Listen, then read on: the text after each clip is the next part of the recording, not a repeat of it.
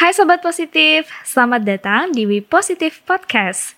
Bagaimana kabarnya? Semoga dalam keadaan sehat selalu ya. Mungkin saat ini Sobat Positif sedang mendengarkan podcast ini dari rumah, atau dari tempat kerja, atau bahkan sedang dalam perjalanan menuju suatu tempat. Namun, di mana pun Sobat Positif berada, tetap ikuti acara ini sampai akhir. Nah, Sobat Positif, kira-kira hari ini kita akan membahas topik apa ya? Mari kita ikuti We Positive Podcast hari ini. Selamat mendengarkan.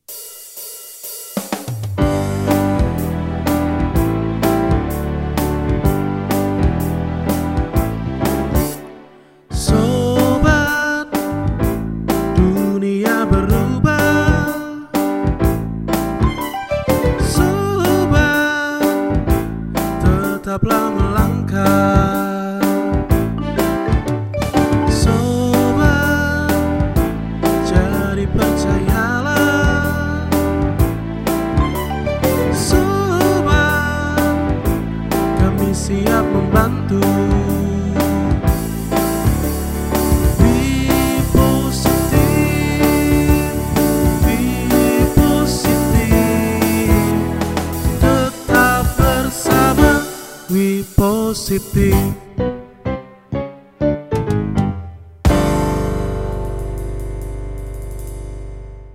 Halo Sobat Positif, hari ini kita akan bersama-sama berdiskusi mengenai pentingnya sukacita dalam pembelajaran. Lebih tepatnya, kita akan sama-sama belajar tentang joyful learning. Yaitu kita akan sama-sama belajar tentang bagaimana pembelajaran itu dapat menjadi sesuatu yang menyenangkan dan mencerdaskan dan apa dampaknya dalam kehidupan kita. Saya, Adrianus Yosia, saat ini ditemani oleh bintang tamu yang keren, yaitu Pak Tio Hoklai, Pak Tio Hoklai adalah staf dari Teaching, Learning, dan Kurikulum yang fokusnya ada dalam bidang sains di Yayasan Citra Berkat. Beliau pernah menulis opini di harian Jakarta Post, dan salah satu poin yang diutarakannya pada artikel tersebut adalah topik yang akan kita bahas pada hari ini, yaitu joyful learning. Nah, tentu saja ini topik yang sangat menarik bagi kita semua. Nah, yuk langsung aja kita akan bertanya kepada Pak Tio nih. Nah, Pak Tio, Menurut Pak Tio, mengapa sukacita menjadi sangat penting untuk dimiliki oleh para siswa pada masa pandemi ini? Oke, eh, terima kasih Yosia untuk pertanyaannya. Tapi sebelumnya terima kasih ya untuk kesempatan dan ajakannya untuk kita boleh bincang-bincang ringan tetapi edukatif lewat eh, acara podcast kita pada hari ini begitu ya. Jadi begini terkait tentang apa namanya sukacita atau kegembiraan dalam proses belajar mengajar atau tadi istilahnya apa joyful learning begitu ya. Jadi betul bahwa eh, sukacita, kegembiraan dalam proses belajar itu merupakan satu hal yang kalau boleh saya bilang mutlak ya. Harus ada, dibutuhkan eh, dalam proses belajar supaya prosesnya menjadi bermakna begitu. Jadi eh, kalau tadi disampaikan bahwa eh, fokus tugas saya itu lebih kepada eh, pendampingan pembelajaran di bidang sains, maka eh, dalam dialog tentang sukacita ini saya mencoba untuk men- memperjumpakan, mempertemukan antara pendekatan edukasi dan sains ya terkait dengan sukacita begitu ya. Jadi dari pernah ya saya pernah saya baca satu riset gitu ya di satu apa namanya hasil penelitian bahwa eh, dalam tubuh kita ketika seseorang itu bersuka cita bergembira itu ada ada something happen dalam tubuh kita begitu ya. Aktivitas hormonal begitu ya. Jadi dikenal adanya yang namanya adrenalin. Ketika seorang itu bersuka cita bergairah tersemangati dalam belajar adrenalinnya deras untuk apa namanya terpancar maka menjadikan seseorang itu semakin apa namanya semakin lama semakin bukan semakin lelah tetapi semakin lama semakin bersemangat jadi ketika menjumpai kesulitan, menjumpai kendala dalam belajar tidak menjadi eh, rapuh, tidak menjadi patah, tetapi justru tertantang untuk terus belajar, menggali yang hal yang baru, yang baru, yang baru untuk menambahkan pengetahuannya begitu.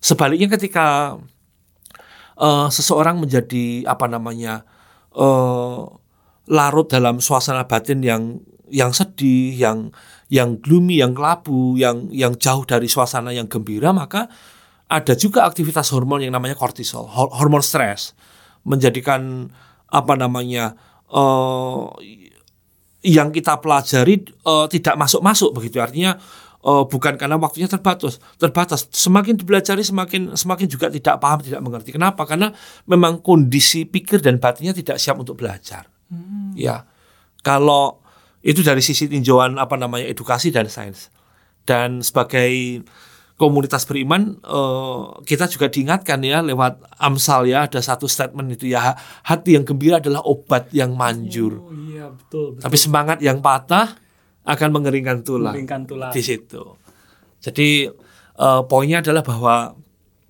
eh, sukacita kegembiraan dia akan melahirkan energi positif eh, yang akan sangat bermanfaat dalam proses belajar mengajar itu terjadi Wah bagus sekali ini. Maksud saya keren ya. Ternyata sukacita itu dapat itu ya punya dampak positif terhadap tubuh ya, fisik ya yang Yes. pertama ya. Lewat tadi aktivitas hormon tadi. betul Tapi satu sisi yang lain juga tidak hanya fisik tapi juga mental ya. Betul betul Wah betul, dan ya, juga ya. spiritual tadi. Betul. Wah.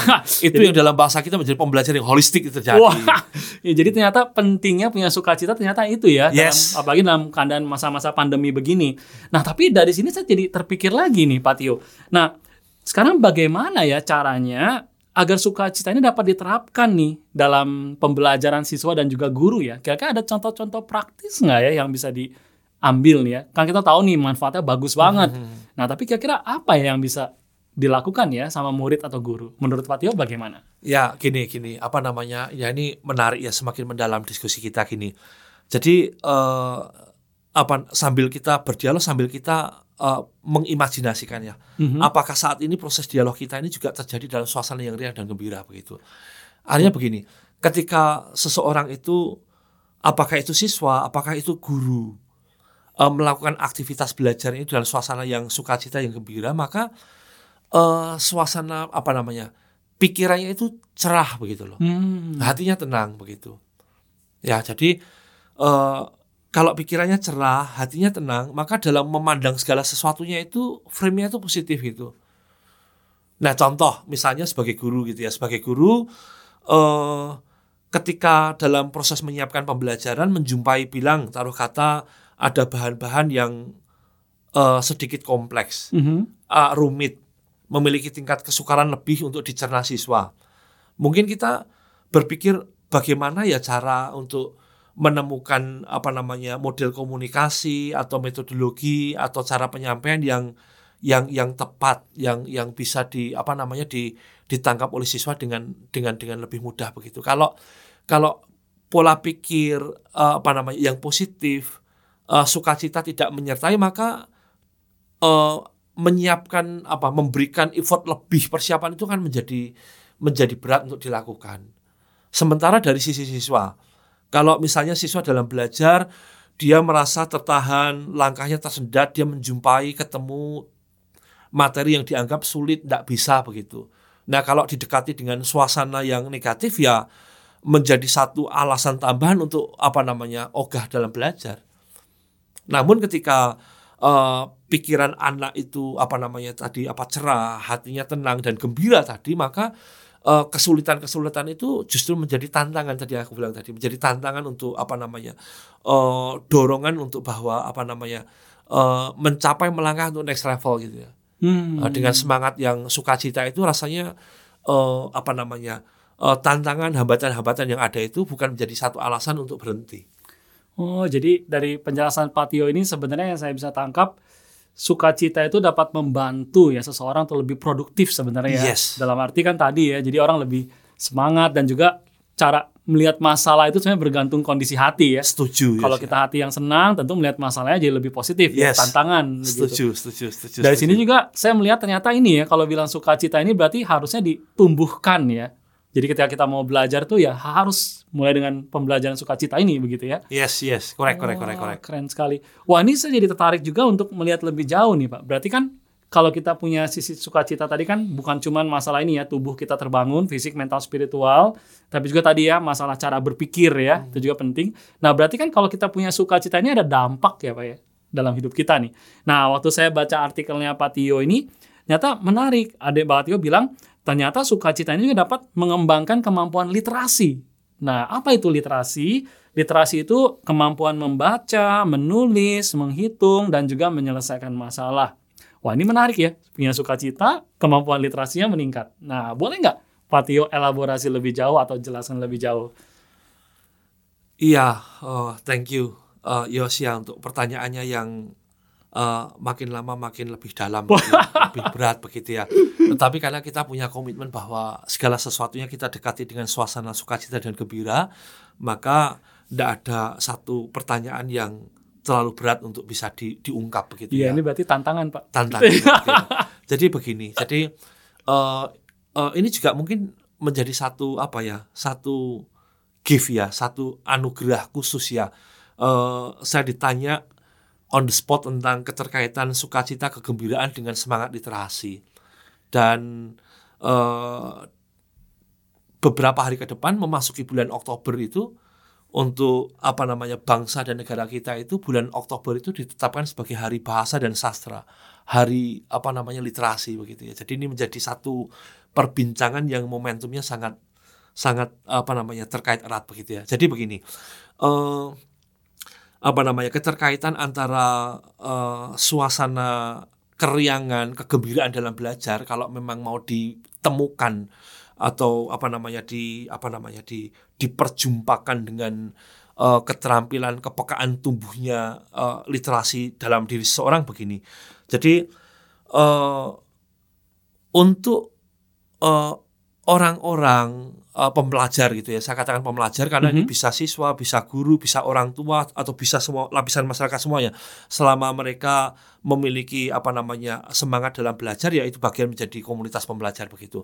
Jadi gini, eh untuk komunitas pembelajar yang mendekati segala sesuatunya dengan semangat sukacita dan kegembiraan maka proses belajarnya itu eh apa namanya? Kalau boleh dibahasakan eh, proses belajarnya itu eh mulai apa namanya? melompat atau melangkah atau maju atau atau menuju kepada satu model belajar yang lebih dalam dan bermakna, deeper and meaningful learning begitu ya. Jadi proses belajarnya bukan atau tidak hanya berhenti pada sekedar rasa ingin tahu semata-mata atau menghafal semata-mata, bukan sekedar itu, tetapi eh, sampai pada level untuk apa namanya eh refleksi. Oh, jadi, Jadi maksud sampai betul. maksudnya ternyata sukacita ini bisa mendorong gitu Pak ya Betul. seseorang untuk mengetahui lebih dalam ya, menggali Yes. lebih dalam gitu. Betul. Kepekaan seseorang akan tumbuh. Jadi kepekaan dia dan kesadaran dia akan tumbuh. Bahkan kemampuan refleksinya akan tumbuh lagi begitu ya. Jadi ketika belajar eh, sesuatu dia tahu bukan sekedar tahu selesai titik, tetapi setelah aku tahu apa manfaatnya bagiku, apa manfaatnya bagi komunitasku. Ketika aku ada kendala, menjumpai kendala, maka eh, kendala seperti itu bisa aku selesaikan, aku aku tuntaskan, aku hadapi dengan cara seperti apa. Artinya eh, kepekaan-kepekaan untuk apa namanya eh, melihat segala sesuatu secara utuh, ya, menganalisis melalui fenomena yang ada, melalui data yang ada yang harus dipelajari, ya itu tadi eh, apa namanya keterampilan numerasinya tumbuh, keterampilan literasinya tumbuh. Berarti sukacita ini semacam memberikan dorongan ya orang makin suka akhirnya menikmati dan dari menikmati ini tambah sukacita dan kemampuan literasi tadi tumbuh betul, gitu ya jadi kayak betul, wah gitu. betul, betul, betul, ya. Wah ini mencerahkan Pak, sangat Iya. mencerahkan. Ya. Keren-keren. Nah berarti ini saya jadi kepikir lagi dampak berikutnya ya. Berarti kan Ya. kalau ternyata sukacita itu punya dampak positif di tubuh kita, Betul, spiritual, mental, begitu ya, dan juga fisik. Lalu kita tadi lihat ada cara pandang kita berubah ketika kita punya sukacita. Lalu kan berikutnya sekarang, oh ternyata ini ya ada meningkatkan kemampuan juga ketika kita bisa punya sukacita dalam belajar ya. Nah berarti bisa nggak saya bilang bahwa dampak berikutnya adalah ketika kita punya sukacita itu bisa bawa kesuksesan nih, gitu pak. Menurut sangat sangat sangat sangat bisa sangat memungkinkan tapi sebelum ke sana kok saya saya ingat satu hal Yosi yang yang Iya. kayaknya kok eh, sayang bila tidak terucapkan karena ini semoga menjadi berkat begitu ya jadi Mhm. begini eh terkait tadi yang barusan tadi tentang apa namanya antara sukacita dan literasi dan juga nanti dikaitkan dengan kesuksesan dalam hidup Mhm, seorang mhm, begitu ya mhm, jadi mhm. gini eh dalam dalam apa namanya dalam dunia sains itu eh, manusia itu dikenal dengan istilah Homo sapiens Oke. makhluk yang Berpikir, berpikir, ya? makhluk yang Hmm. berpikir. Jadi ketika eh, kita sebagai apa namanya makhluk yang dicap, ci- diciptakan dengan eh, kemampuan eh, ekstra berpikir, maka ketika pemikiran-pemikiran yang kita kreasikan itu berjumpa dengan sukacita dan kegembiraan, maka eh, rasa-rasanya kalau saya boleh bilang bahwa jangan-jangan manusia baru menjadi manusia ketika dia bergembira dalam belajar. Oh, ya karena bergembira itu itu ya membawa seseorang jadi memicu seseorang ya Yes. menyukai sesuatu dan jadi berpikir. Yes. Wah. Nah, terkait dengan ini tadi, terkait dengan apa namanya keterkaitan antara sukacita dan apa keberhasilan kesuksesan seorang begitu. Eh, jadi begini, eh saya tidak ngerti apakah ini betul atau tidak, tapi sekiranya ukuran ukuran keberhasilan, ukuran eh, eh, kesuksesan seseorang itu diu- eh, diukur lewat apa keberhasilan dalam kehidupan atau kalau kita mau gunakan dengan bahasa yang sederhana bahwa kesuksesan dan keberhasilan itu ibarat buah begitu Eh, gini eh, saya jadi ingat ya eh, ketika eh, sempat diskusi dengan siswa ketika bab chapter tentang tumbuhan plante gitu ya Mhm. jadi gini eh, saya pernah eh, apa namanya berucap di di kelas itu bilang begini bahwa nah kalau engkau ingin menikmati buahnya maka engkau harus merawat akarnya dulu Wah, dalam nih, Pak. Dalam nih. Dalam nih. Berarti akarnya itu adalah sukacita itu. Sukacita. Wah. Karena sukacita itu, kegembiraan itu akan itu tadi. Dia akan mentenagai. Dia memberikan limpahan energi yang positif. Setiap kendala, kesulitan, tantangan apa pun eh, bukan hilang bukan, tetapi eh, beban itu menjadi terasa lebih lebih ringan. Karena dihadapi dengan hati yang gembira tadi itu. Pikirannya jernih, hatinya tenang dalam menyikapi segala sesuatunya. Dan ketika itu semuanya terjadi, maka dalam menatap masa depan untuk meraih cita-cita dan apa namanya impian harapan ya apa pun yang ada di depan kita maka oh, kita meneropongnya itu dengan lebih jernih dan tajam Iya, dan dan berarti tadi kalau lebih spesifik dikit, lebih konkret kan berarti setiap masalah yang kita punya ya, setiap problem atau proyek-proyek yang kita punya bisa selesai lebih baik ya. yes Nah, karena itu masa depan Yes, jadi terang. yes. Wah, yes yes yes yes yes yes yes keren sekali, Pak. Keren. Sangat mencerahkan obrolan hari ini. Jadi kita sudah lihat ternyata sukacita itu memberikan dampak dalam tubuh kita, fisik, mental, spiritual, dan juga tadi ya, sukacita bicara masalah cara pandang, dan juga tadi kita sudah lihat ternyata punya sukacita ini punya kemampuan liter menaikkan kemampuan literasi Betul, kita begitu. betul, betul, Dan betul. sekarang kita lihat ya tentu kalau kemampuan Betul. literasi kita naik, ya dampak berikutnya juga sukses betul, dong harusnya. betul, begitu ya. betul, betul, betul, Wah betul, keren sekali Pak. Sayang sekali kita tidak bisa berbincang lebih lama karena terbatasnya waktu. Tapi boleh nggak Pak di akhir ini Bapak mungkin bisa kasih kasih kata penutup mungkin buat eh, pendengar Wi Positif. Ya, ya semoga ini apa namanya meneguhkan ya penutupan ini ya. Jadi eh, kami sebagai apa namanya komunitas sekolah cita kasih dan sekolah cita berkat ya eh, layak untuk bersyukur bahwa eh, suasana iklim lingkungan belajar di sekolah itu sangat kondusif, sangat sangat kental sekali dengan atmosfer positif, penuh dengan apa namanya eh, suasana sukacita itu nampak sekali baik dalam eh, diskusi-diskusi informal antara antara internal guru maupun antara siswa dan guru. Artinya komunitas sekolah itu punya punya iklim komunikasi yang sangat sangat eh, sangat riang sangat cair begitu ya.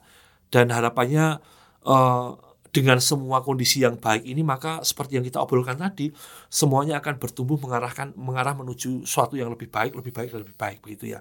Jadi eh, terkait dengan apa kembali ke topik kita tentang apa namanya joyful learning ya tentang sukacita dan kegembiraan dalam belajar. Begini ya jadi eh ada satu ini ini, ini bukan dari saya karena saya baca dari buku juga ya jadi sifatnya mungkin lebih eh, mengingat-ingat yang pernah saya baca begitu ya. Ada ada ungkapan bilang begini bahwa tidak ada kebahagiaan lain bagi orang tua dan bagi guru selain melihat anak-anak dan murid-murid itu tumbuh kembang dengan sehat dan gembira.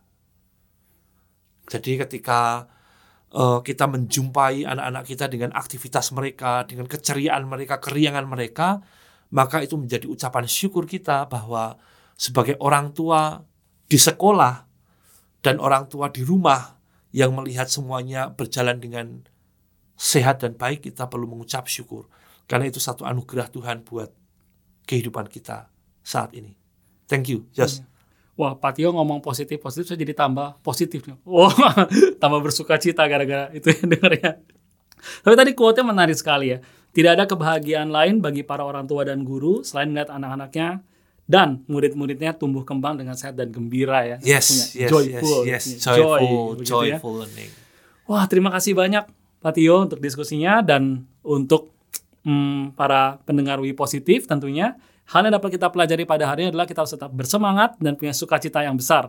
Dan tentunya punya sukacita ini bukan bagi para guru atau murid saja, tapi bagi kita semua. Oke, salam positif bagi kita semua. Penerimaan siswa baru Sekolah Citra Kasih Sekolah Citra Berkat telah dibuka. Ayo segera daftarkan putra-putri Bapak Ibu ke Sekolah Citra Kasih Sekolah Citra Berkat yang ada di kota Bapak Ibu sekalian.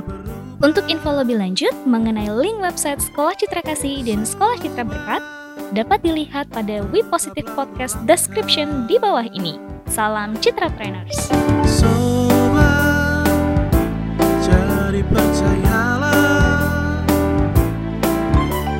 Sobat, kami siap membantu